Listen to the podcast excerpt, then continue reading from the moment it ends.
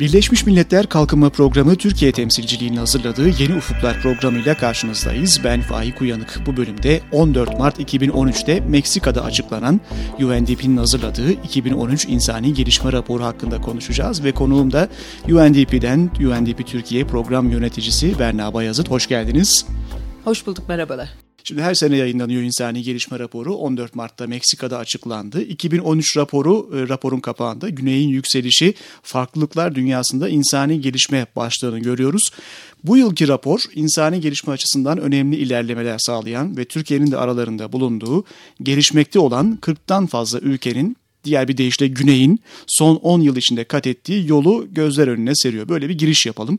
E, raporun baş yazarı Halit Malik sanayi devrimi 100 milyon kişiyi etkilemişti. Bizim anlattığımızsa milyarlarca insanın hikayesi diyor. E, buradan yola çıkarak raporda anlatılan bu küresel değişim nedir acaba? E, raporda aslında gerçekten çok değişik bir güç dengesi değişikliğine, e, güç dengelerinin değişmesine işaret ediyor bir şekilde. Bildiğimiz işte kuzey ülkeleri vardır, gelişmiş ülkeler, işte bunlar Nordik ülkeleri, İskandinav ülkeleri, Avrupa, işte Amerika, Kanada vesaire ve bunun yanında da işte diğer gelişmekte olan ülkeler veya az gelişmiş ülkeler olarak bildiğimiz ülkeler vardı. Hep e, geleneksel yaklaşım böyleydi. Ama şimdi bu raporda baktığımızda e, son 10 yıllık bir trend diyebiliriz. O 2000 ile 2012 arasını karşılaştırmış.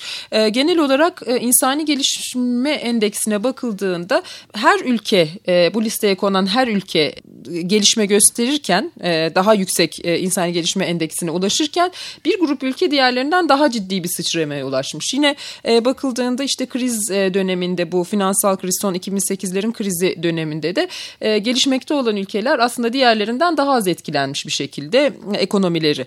E, bu bir şekilde acaba bu gelişmekte olan ülkelere ne oluyor gibi bir soruya yol açıyor ve geri dönüp işte ne gibi uygulamalar yapılmış hani e, rakamlarda ne gibi değişiklikleri olmuş e, rapor bir şekilde buna bakıyor.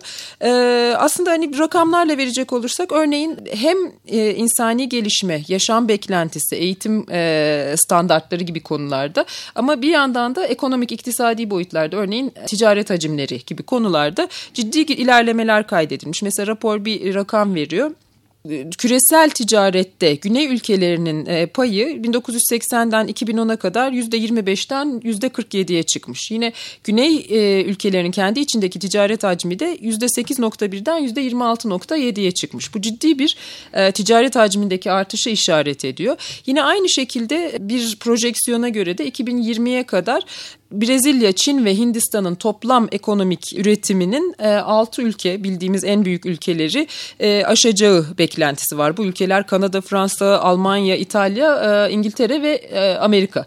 E, çok ciddi bir e, değişim gözleniyor ciddi gerçekten. Ciddi bir paradigma değişiminden pa Paradigma değişimi aynen öyle. Gelişmekte olan ülkelerin ya da güneyin yeni ifadeyle yükselişinden söz ediyoruz. Şimdi birkaç not daha aktarayım ben rapordan.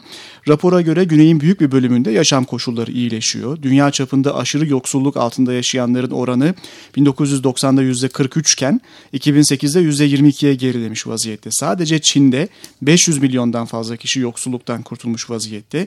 Güneydeki bu değişim aynı zamanda insani gelişmede ve yoksullukla mücadelede önemli bir itici güç durumuna gelmiş vaziyette. Şimdi az önce biraz bahsettiğiniz rakamlardaki değişimden yani güneyin yükselişinin hayata nasıl etkileri olduğundan ama biraz daha somutlaştıralım. Güneyin yükselişi olarak tanımlanan bu değişimin insani gelişmeye etkisi nasıl oldu? Dediğimiz gibi yani insani gelişme endeksine baktığımızda aslında belli e, bileşenleri var bu endeksin. Gelir bunun sadece biri, eğitim ve sağlık, işte yaşam beklentisi gibi belli bazı e, gelişim noktaları ya da e, bileşenleri var.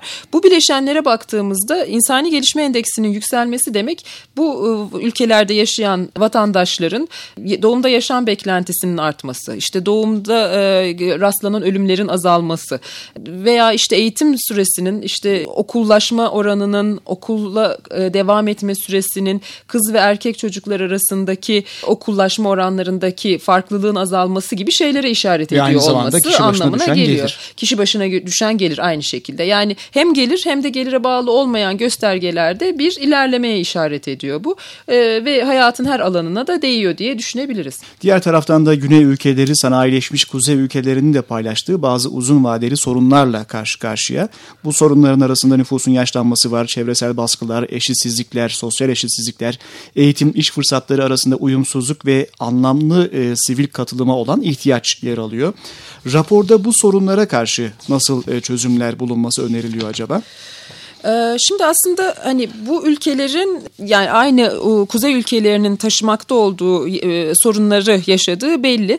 Ee, rapor bir şekilde bu güney ülkelerinin deneyimine baktığında e, öncelikle hükümetlerin kalkınmayı önceliklendirdiğini görüyor. Bunun mutlaka devam ediyor olması gerekiyor. Öncelikle bu e, sürecin devam ediyor olması için. E, küresel pazarların aktif olarak kullanıldığı, ticaretin çok e, yoğun olarak işlediği görünüyor. Aynı şekilde bu e, bu ülkelerin e, gelişmesi için bir e, artı nokta olarak görünüyor ve e, sosyal politika ve sosyal politikadaki e, yenilikçi yaklaşımlarında yine aynı şekilde e, bu ülkelerde diğerlerinden farklı bir artı nokta olarak e, görüyoruz. Ama bu kalkınmadaki gelişmenin devamı içinde bir şekilde belli bazı şeylerin de e, sağlanması gerekiyor. Örneğin bu ülkelerde hala eşitsizlik söz konusu. Yani eşitsizliğin bir şekilde e, özellikle de toplumsal cinsiyet eşitliğinin korunuyor olması ve sağlanıyor olması bu e, artı pozitif yak, e, gelişimin sağlanması sürdürülmesi için bir e, ön koşul.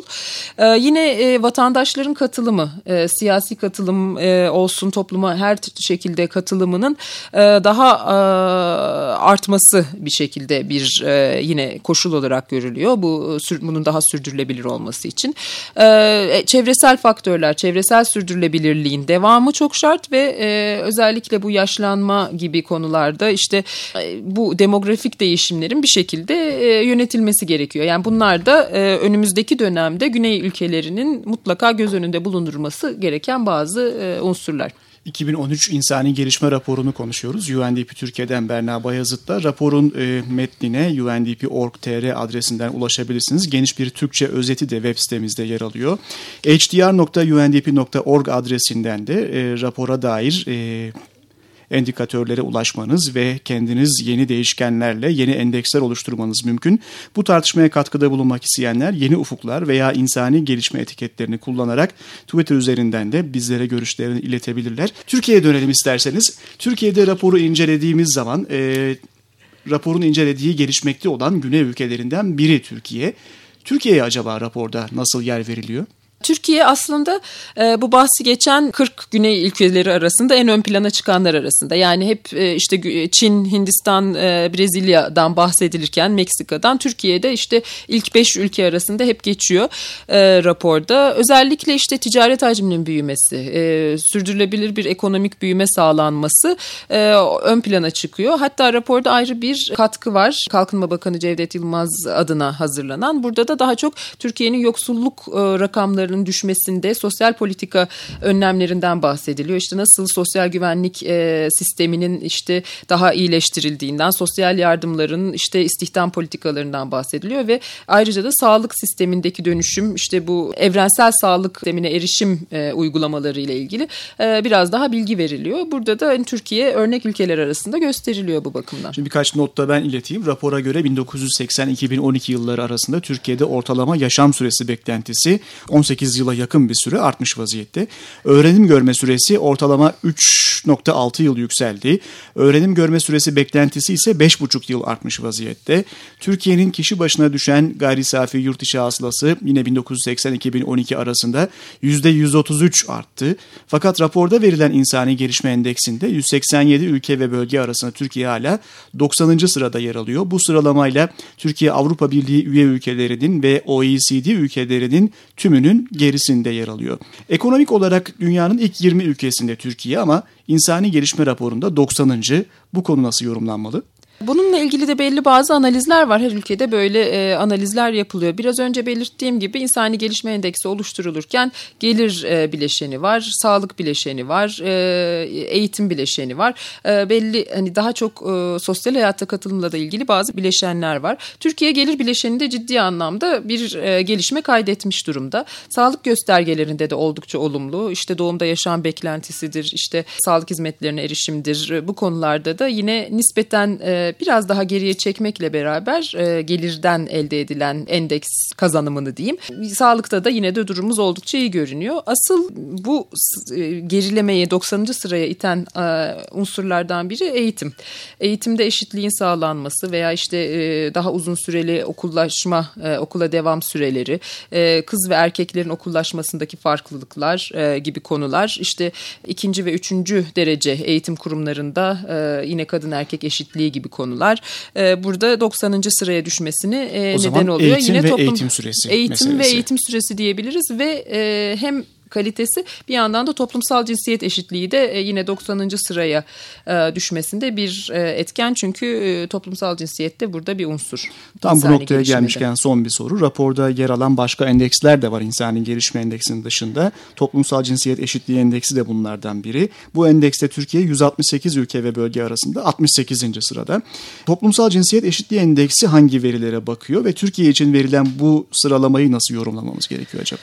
Bu toplumsal cinsiyet eşitliği endeksi de 5 e, civarında e, unsura bakıyor. Türkiye'de bizim asıl e, sorun yaşadığımız konular özellikle e, siyasi katılım, mecliste e, kadının temsili, yine eğitimde özellikle işte ikincil ve üçüncül e, eğitim kurumlarında yani lise ve üniversitelerde e, kadınların katılımı ve özellikle de e, iş hayatına katılımı yani piyas e, iş piyasasına katılımları konusunda Türkiye oldukça geride görünüyor ve e, gerçekten de bizim toplumsal cinsiyet endeksinde yerimizi oldukça aşağı çekiyor. Bu zaten e, Türkiye'nin yıllardır e, kalkınmayla ilgili e, hazırlanan raporlarında ön plana çıkarılan bir şey ve yani bu raporda yine onu doğruluyor. Yani gelişmeler ufak tefek olsa bile bizim gerçekten önümüzü tıkayan bir unsur toplumsal cinsiyet eşitliği olarak Gidilecek görünüyor. bir yol olduğu anlaşılıyor. Berna Bayazı çok teşekkürler. UNDP Türkiye Program Yöneticisi Berna Hanım'la UNDP'nin 2013 İnsani Gelişme raporunu konuştuk. Raporun tam metnine ve yönetici özetine ayrıca geniş bir Türkçe özetine undp.org.tr adresinden ulaşabilirsiniz. Birleşmiş Milletler Kalkınma Programı UNDP Türkiye temsilciliğini hazırladığı Yeni Ufukların bu haftalıkta sonuna gelmiş oluyoruz. Programı Ankara Üniversitesi İletişim Fakültesi Radyosu Radyo İLEF'te hazırladık. Programımıza podcast formatında iTunes üzerinden, İstanbul'da FM bandında ve internette Açık Radyo'dan, 50'ye yakın ilde Polis Radyosu'ndan, yayın ağımızdaki üniversite radyolarından, ayrıca UNDP.org UNDP.org.tr adresinden ulaşabilirsiniz. Sosyal medya üzerinde kullanıcı adımız UNDP Türkiye.